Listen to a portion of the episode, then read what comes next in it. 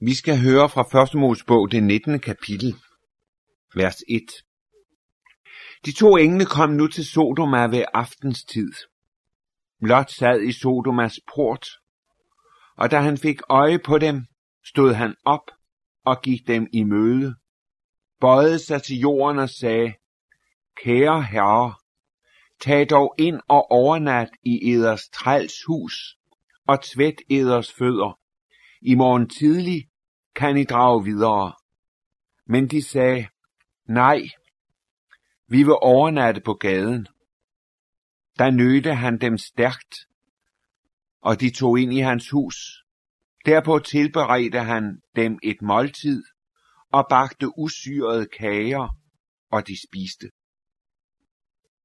Men endnu før de havde lagt sig, stimlede byens folk, indbyggerne i Sodoma, sammen omkring huset, både gamle og unge, alle uden undtagelse. Og de råbte til Lot, hvor er de mænd, der kom til dig i nat? Kom herud med dem, for at vi kan stille vores lyst på dem. Der gik Lot ud til dem i porten. Men døren lukkede han efter sig, og han sagde, Gør dog ikke noget ondt, mine brødre. Se, jeg har to døtre, der ikke har kendt mand. Dem vil jeg bringe ud til jer, og med dem kan I gøre, hvad I lyster. Men disse mænd må I ikke gøre noget, siden de nu engang er kommet ind under mit tags skygge. Men de sagde, bort med dig. Her er den ene mand kommet og bor som fremmed, og nu vil han spille dommer. Kom, lad os handle værre med ham end med dem. Og de trængte ind på manden på lot og nærmede sig døren for at sprænge den. Der rakte mændene hånden ud og trak Lot ind til sig og lukkede døren. Men mændene uden for porten til huset slog de med blindhed, både store og små, så de forgæves søgte at finde porten. Amen. Abraham og Lot er i slægt med hinanden. Og begge har et forhold til Gud. Der står om Lot i det nye testamente, at han pintes i sin sjæl over de uretfærdige gerninger, som han var vidne til. Alligevel, så er der stor forskel på de to. Det møder vi ikke mindst i denne beretning. Lot, han valgte, som vi husker, den gode del til sig selv. Den frugtbare floddal, hvor der var rige muligheder for at græsse. Ja, det var så frodigt, at han ikke skulle flytte sig så tit, og hvor han også kunne få glæde af byens bekvemmelighed og behagelighed. Og nu hører vi, at han sidder i byens port, vers 1, sammen med byens ledende mænd. Det er blevet aften, og så kommer de to på besøg. På samme måde som Abraham havde en helt klar fornemmelse af, at det var noget særligt, da der stod tre mænd foran ham. Sådan fornemmer Lot umiddelbart, at med de to mænd, som nu er kommet, der er det noget helt enestående. Han bryder straks op og inviterer dem med hjem og får dem til at gå fra deres ønske om at overnatte på gaden. Han dækker bord for dem, men der er det, at byens befolkning stemler sammen. De vil have de to mænd, som er kommet, ud, så de kan stille deres seksuelle lyster på dem. Det vil Lot under ingen omstændigheder gå med til. Han lægger hele sin sjæl ind i at tale byens borgere til fornuft. Lot, i ham møder vi optimisten. Den mand, der tror, at man kan vinde verden med fornuftsargumenter. Ved at være venlig.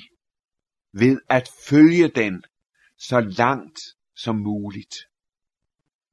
Men han tager fejl. Nu viser fjendskabet sig imod Lot. De mener, at det er helt forfærdeligt, at denne ene mand, som er kommet og bor som fremmed, nu pludselig skal være dommer. Læg mærke til det, vers 9. Befolkningen mærker en dom i Lots ord. En dom udgår fra hans person. Samtidig så møder vi også i Lots møde med Sodomas borgere noget, der virker dybt for uroligende og som ikke kan andet end smerte os. Det er det 8. vers, hvor han prisgiver sine to døtre, der endnu ikke har kendt nogen mand. Vi hører senere, at de forlovede disse piger i vers 14. Dem vil Lot sende ud. Og så kan de handle med dem, sådan som de nu lyster. Der er ingen tvivl om, at det ikke med Lots gode vilje, det skal ske.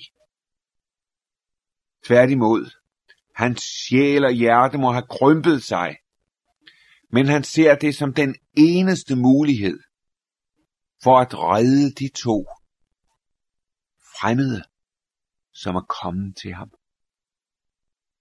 Og det fornemmer han. Hvad der end sker, så skal de reddes. Selvom Lot i denne situation handler i et enestående storsind og en enestående kærlighed til de fremmede, så er det for uroligende, dybt for uroligende, at Lot giver sine, vil give sine døtre hen til synden, hen til et seksuelt misbrug. Hvordan kan Lot være kommet så langt? Er det ikke Sodomas indflydelse, som har svækket denne mands åndelige tæft og dømmekraft? Har han ikke siddet for længe i Sodomas port? Er han ikke i sit sind blevet så gennemsyret af urenhed og er at tænke i disse baner, så han ikke længere ser så klart, som han i sandhed burde se. Hvor er hans tiltro til Gud, til hans indgreb i denne situation? Lot tager tingene i sin egen hånd. Og det er helt forfærdeligt, hvad det fører til. Hvis ikke Gud alligevel holdt sin hånd over ham. Det er det Gud gør. Mændene, de fornemmer, hvilken far Lot er i. De trækker ham ind, og de lukker døren, og da man prøver at sprænge døren, ja, der ser vi, at ingen kan skade den, som Gud værner. Mændene, de bliver slået med blindhed, både store og små, så de forgæves søger at finde porten. Og så taler mændene til Lot. De kommer med et frelsesbudskab til ham, vers 12 følgende. Derpå sagde mændene til Lot, Hvem der ellers hører dig til her, dine svigersønner, dine sønner og døtre, alle som hører dig til i byen, må du føre bort fra dette sted. til vi står i begreb med at ødelægge stedet her, fordi skriget over dem er blevet så stort for Herren, at Herren har sendt os for at ødelægge dem.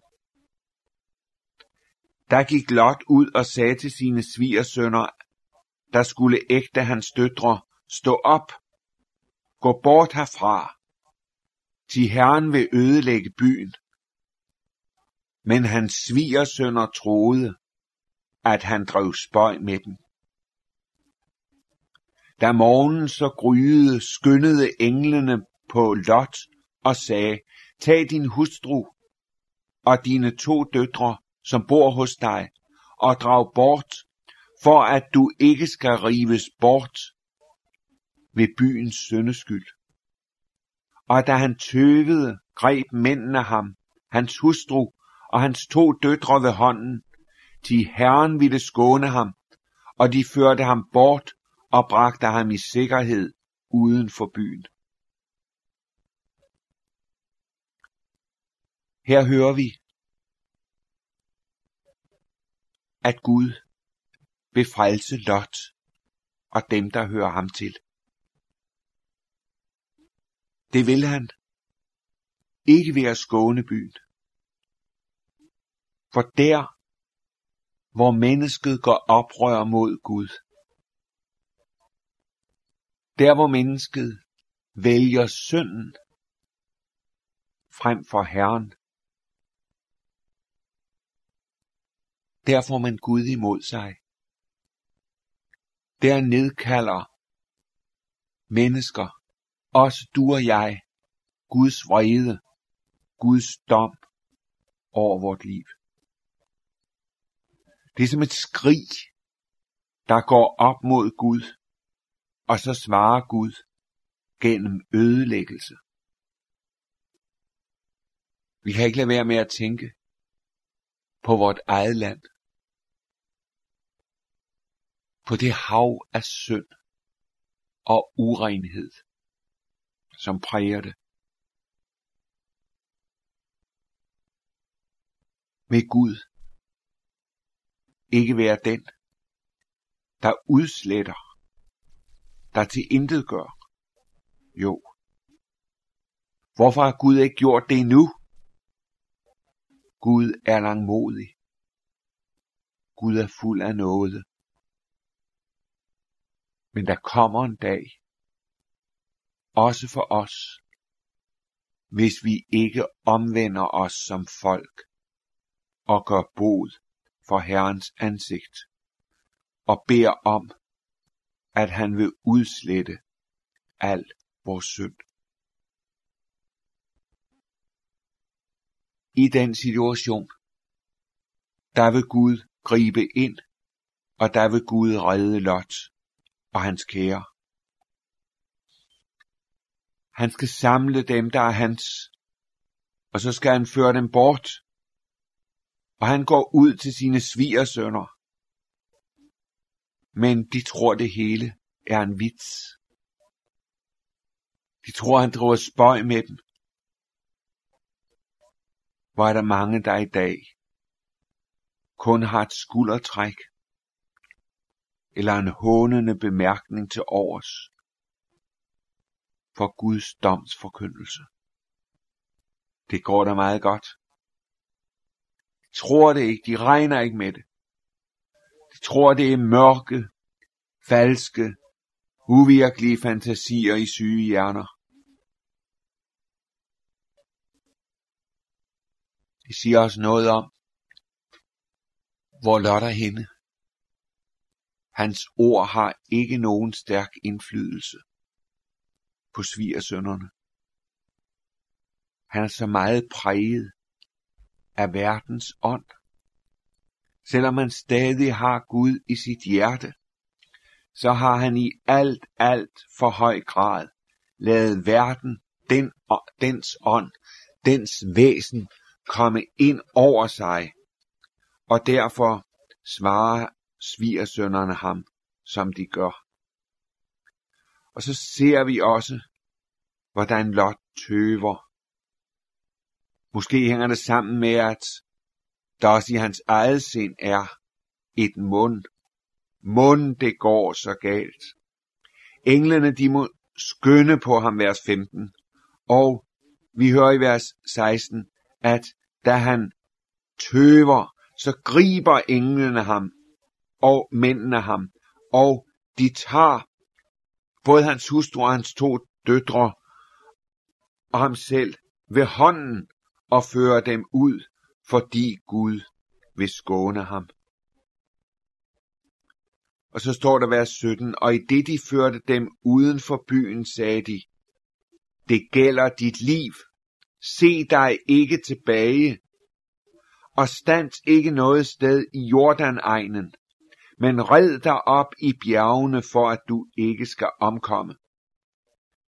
Men Lot sagde til dem, ak nej, herre, din træl har jo fundet noget for dine øjne, og du har vist mig stor godhed og frelst mit liv. Men jeg kan ikke nå op i bjergene og undfly i ulykken. Den indhenter mig, så jeg mister livet. Se, den by der er nær nok til, at jeg kan flygte derhen. Den betyder jo ikke stort. Lad mig redde mig derhen. Den betyder jo ikke stort, og mit liv er frelst. Der svarede han, også i dette stykke har jeg bønhørt dig. Jeg vil ikke ødelægge den by, du nævner, men red dig hurtigt derhen, til jeg kan intet gøre, før du når derhen. Derfor kaldte man byen Sora.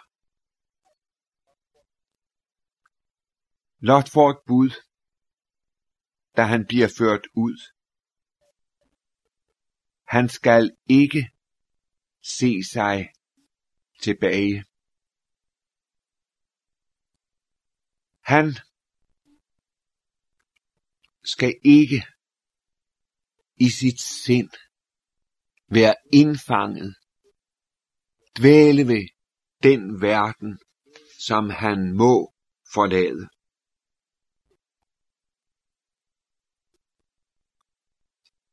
Det gælder hans liv. Har hånd du lagt på Herrens plov, så se dig ej tilbage. Se ej til verdens trylleskov, og ej til Sodoms plage. Men pløj din fure, strø Guds sæd, er jorden dig for tør, så græd. Ved gråden kvæle rysten, der tænk på gylden høsten. Se dig ikke tilbage. Så møder vi det underlige, at Lot beder om at komme hen på et fristed. Og det fristed hedder Sora. Det betyder egentlig ubetydelighed.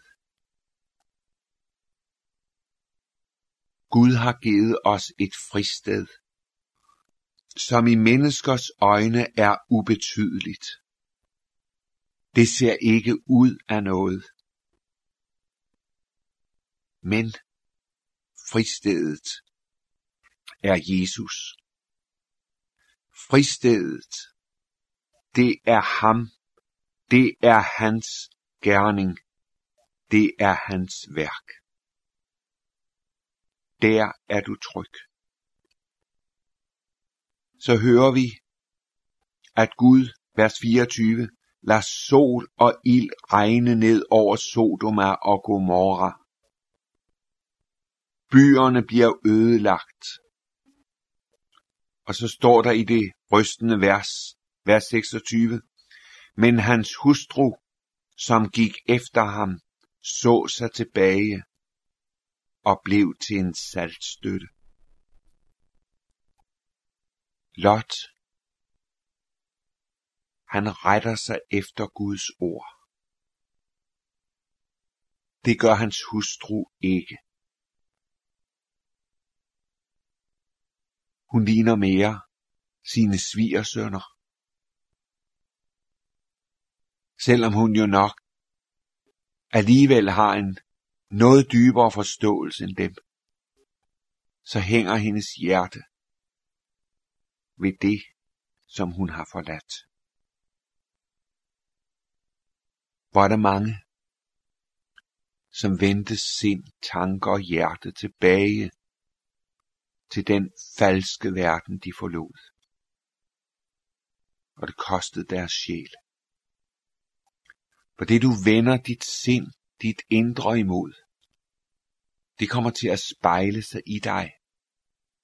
Det kommer til at fylde dig. Det er det, der bliver sammenhængen i dit liv.